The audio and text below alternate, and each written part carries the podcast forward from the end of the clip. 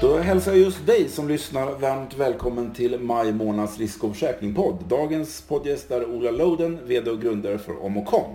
Bolaget som nu heter Omocom grundades i Stockholm av Emanuel Badi Kullander och Ola Loden 2017 och satte igång fullt ut i oktober 2019 kan man säga. Idén till Omocom, eller Charin som bolaget hette från början, föddes när de båda grundarna arbetade som experter på digital handel för regeringen och intervjuade de stora försäkringsbolagen om hur de hade tänkt hantera de värden som står oförsäkrade i samhället idag. Det visade sig att försäkringsbolagen hade svårt att anpassa sina försäkringar till det moderna delningssamhällets krav på flexibilitet. Och det är just det Omocoms verksamhet handlar om. Varmt välkommen till Risk och försäkringspodden Ola Loden, VD och medgrundare till Omocom. Kul att ha dig med! Tack så mycket. Väldigt kul att vara här. Ja, ni hette Charin från början. Varför bytte ni namn till Omocom? Allra från början så hette vi Intakt för att vi ville låta lite som Klarna, så vet jag intakt med K så att det skulle låta svenskt och tryggt. Sen hittade vi att det var Kanadas största försäkringsbolag heter Intact. Ja, det är ju det. det, är ju det. så lite kunde vi om försäkring när vi startade. Så det var lite av en chock. Sen eh, hette vi Sharing så var Shared Insurance var tanken. Det skulle vara en koppling så till delningsekonomin. Ungefär samtidigt så började vi fundera på att ta steget från rena delningsprodukter, alltså sådana peer-to-peer tjänster som vi började med till att gå mer mot hela den cirkulära värdekedjan så att det inte bara är fråga om delning utan även köp och användande av begagnade produkter. Så att då blev sharing lite för smalt och så visade det sig att en italiensk storbank hade varumärkesskyddat det för europeisk användning. Så vi kände att det var lite så här en fight som vi som inte var värd att ta. Vilken oflyt ni haft med namnen. Ja, men lite så. Om och kom uppstod väl i det då att då ville vi ha något som var jävlat ogoogelbart.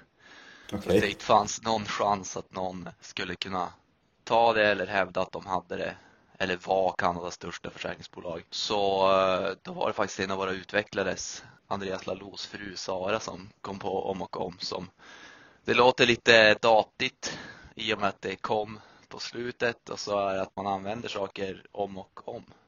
Just det. Vilket är det som vi vill bidra till. Hela skälet till att bolaget finns är att utöka användandet av befintliga resurser så att, att man då använder saker om och om. Det är det som är er värdegrund egentligen kan man säga. Exakt, ja. så det är en liten ordlek också. Ordlekar är roligt. Du har en härlig dialekt förresten. Var kommer du ifrån från ursprungligen?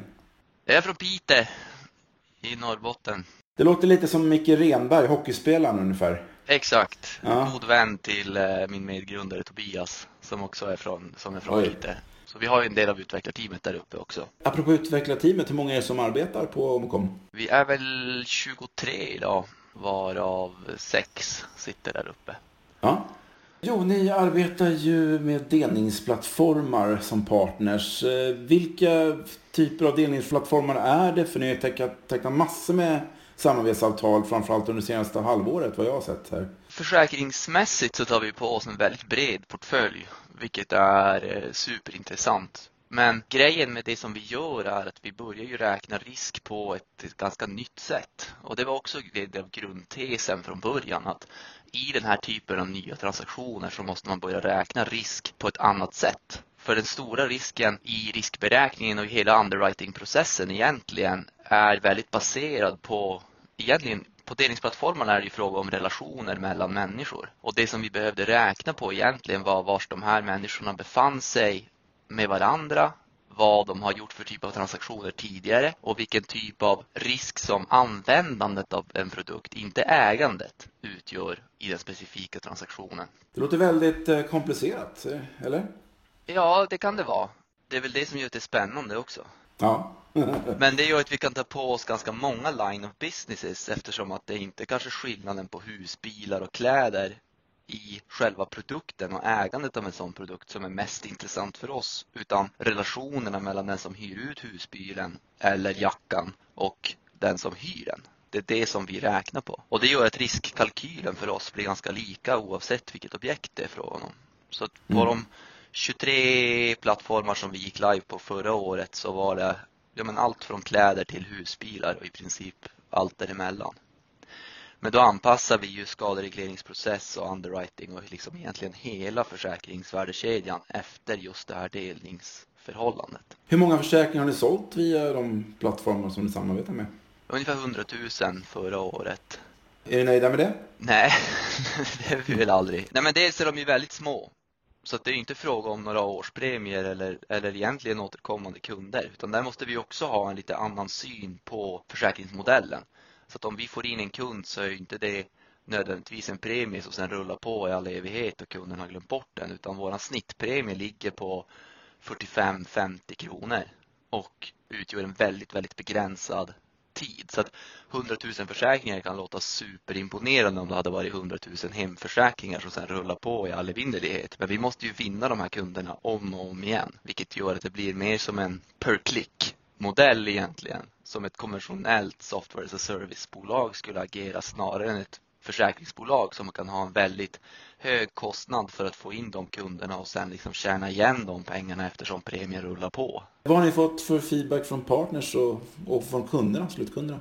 Det var ju så från början att det här inte fanns och var extremt efterfrågat av branschen. Vi utvecklade det här tillsammans med delningsplattformarna och egentligen så som det var från början var att vi fick en datadump av dem med all data som de hade på plattformen och det faktum att för en sån här plattform så är ju den datan det värdefullaste de har. Det är den absolut största resurs de har och mycket det som styr värderingen på dem som bolag. Att de bara gav oss det gratis visar ju vilket behov det fanns i branschen för oss. Så det vi såg då var att det här kommer bli lätt att sälja när det kommer till kritan. Och sen utifrån det utvecklade vi en algoritm som vi liksom byggde hela produkten runt räkna risken på det här sättet. Och feedbacken har väl varit så, hoppas jag liksom. Vi mäter ju både hur vi kan öka konverteringen på plattformen, det vill säga att fler vågar ändra sitt beteende till det här sättet att konsumera. Och i skaderegleringsprocessen mäter vi hur många kan vi få att stanna på plattformen även fast någonting har hänt med saken. Så att även om man har haft en skada så är våran framgångsfaktor som vi mäter hur kan vi få dem att fortsätta med det här beteendet. Så det vi vill ha är ju att använda försäkringen som en styrning för den stora massan att övergå till det här beteendet som ska vara mer miljövänligt. Då. Vi ställer den frågan i slutet på skaderegleringsprocessen att vill du fortsätta med det här beteendet och vi har 97 procent av kunderna som säger ja, det vill vi. Och det tror jag styr väldigt mycket vår relation med plattformarna. Att ja. de är nöjda att vi kan behålla deras kunder åt dem. Ja, 97 procent låter ju bra. Men är det, ba, är det bara via plattformar ni försäkrar? Har ni fått intresse eller förfrågningar för att försäkra andra som delar saker? Vi får sådana förfrågningar då och då.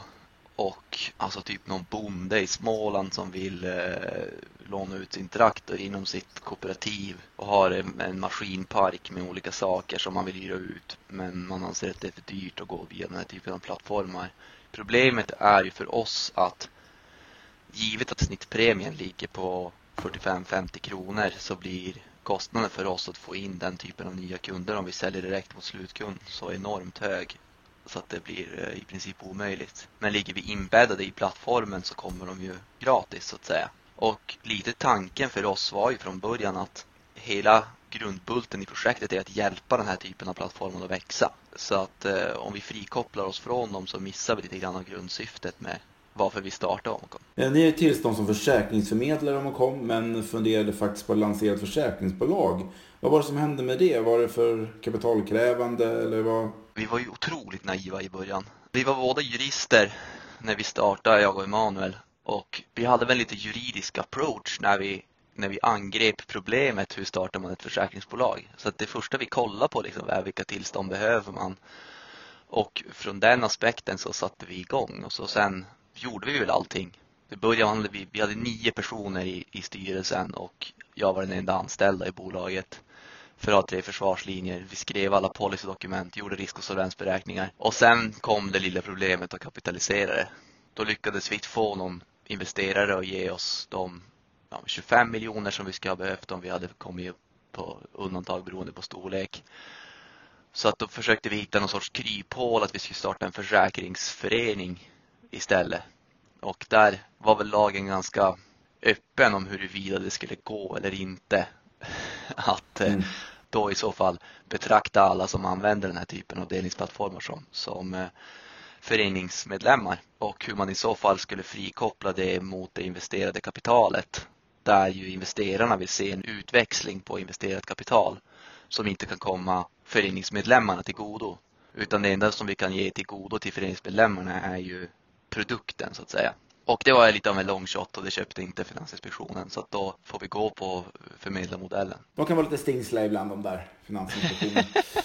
ja, det är väl viktigt att de är det. Men det som vi har upptäckt sen är att förmedlarmodellen när vi lär oss mer om försäkring och hur det funkar och hur man använder kapital på det här sättet att den är otroligt mycket mer förmånlig. Både i liksom hur den har stöttat oss rent kunskapsmässigt. Jag sa att vi väldigt naiva i början, men att vi liksom är uppbackade av Berkeley nu. Men också i rent eh, vad kostnaden för att ha den typen av kapital liggande är, hur det är kopplat till återförsäkring och sådana saker, så är det en betydligt mer lönsam modell även eh, när vi går framåt. Ni har ju samarbete med A Försäkring och Berkeley Insurance, visst är det så?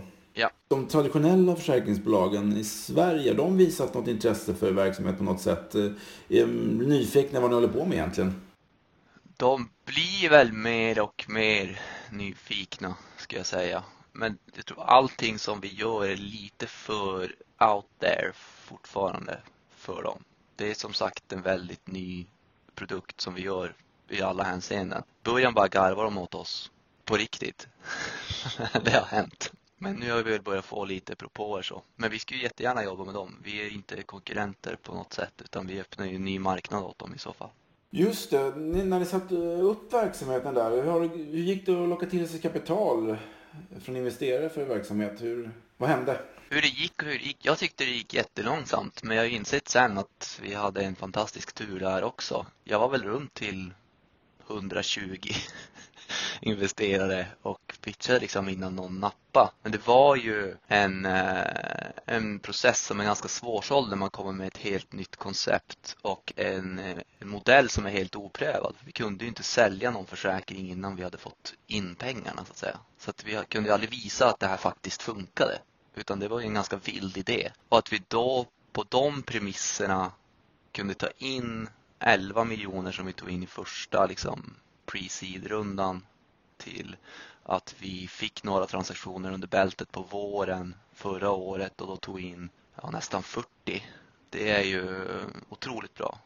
Det finns ett väldigt, väldigt stort intresse bland investerare att investera i Insuretech. Det ses verkligen som den sista utposten för den, den teknologiska revolutionen och, och, att det är där det kommer att hända. Ni har ju startat upp utanför Sverige också. Och vilka länder erbjuder ni era tjänster idag via partners? Norge, Finland, Danmark och eh, Portugal. Vad gör ni på de sydliga breddgraderna? Sticker ut lite grann. Det gör ju det. En av våra investerare är en sån eh, hållbarhetsfond som bara investerar i, i hållbara bolag. Och de är portugiser. Det gör dels att vi har ganska mycket kontakter med, med andra bolag som de känner. Så deras portugisiska portföljbolag eftersom att de investerar mycket i den här sektorn. Och dels så har det väldigt mycket att göra med riskbärarkapacitet. Så att vi vill komma igång i så många länder som möjligt. Det är en stor, stor sån unique selling point mot plattformarna. Att de vill kunna växa mer här och de vill kunna, kunna ha samma lösning i många länder. Det är väldigt mycket administration för dem att sätta upp försäkringslösningar i många olika länder. Och då får vi någonstans ta oss dit eh, riskbärarna bär oss någonstans. Att eh, vi hamnar lite där vi hamnar. Men mm. jag har stora förhoppningar att vi ska få igång även Tyskland, Spanien och Frankrike innan midsommar. Oj då, det är ju snart. Ja, jag insåg just att jag sa det. Det får inte ta tillbaka nu inte. Nej. Eh, jag tänkte också, delningsekonomin är ni beroende av. Kommer den att växa lavinartat tror du? Vi trodde ju det från början och vi ser ju nu att våra prognoser från början var nog väl optimistiska. Det var ju på den tiden när vi fortfarande jobbade åt regeringen. När man tittar på olika sådana studier så spådde man liksom en tillväxt i den branschen på, ja men alltså verkligen explosionsartat. Man trodde att det skulle komma ett Airbnb inom varje vertikal i princip. Att vi skulle ha ett Airbnb för bilar och kläder och allting. Och så har det inte riktigt blivit. Och det är det som har gjort att vi också har breddat vårt erbjudande och går från bara delning till även det som vi kallar för refurbished, alltså reparerade eh, saker som säljs av, av eh, återförsäljare. Så det är alltså en, en produkt som säljs från företag till konsumenter. Så vi har inte den här peer-to-peer aspekten som vi pratade om när man delar mellan privatpersoner.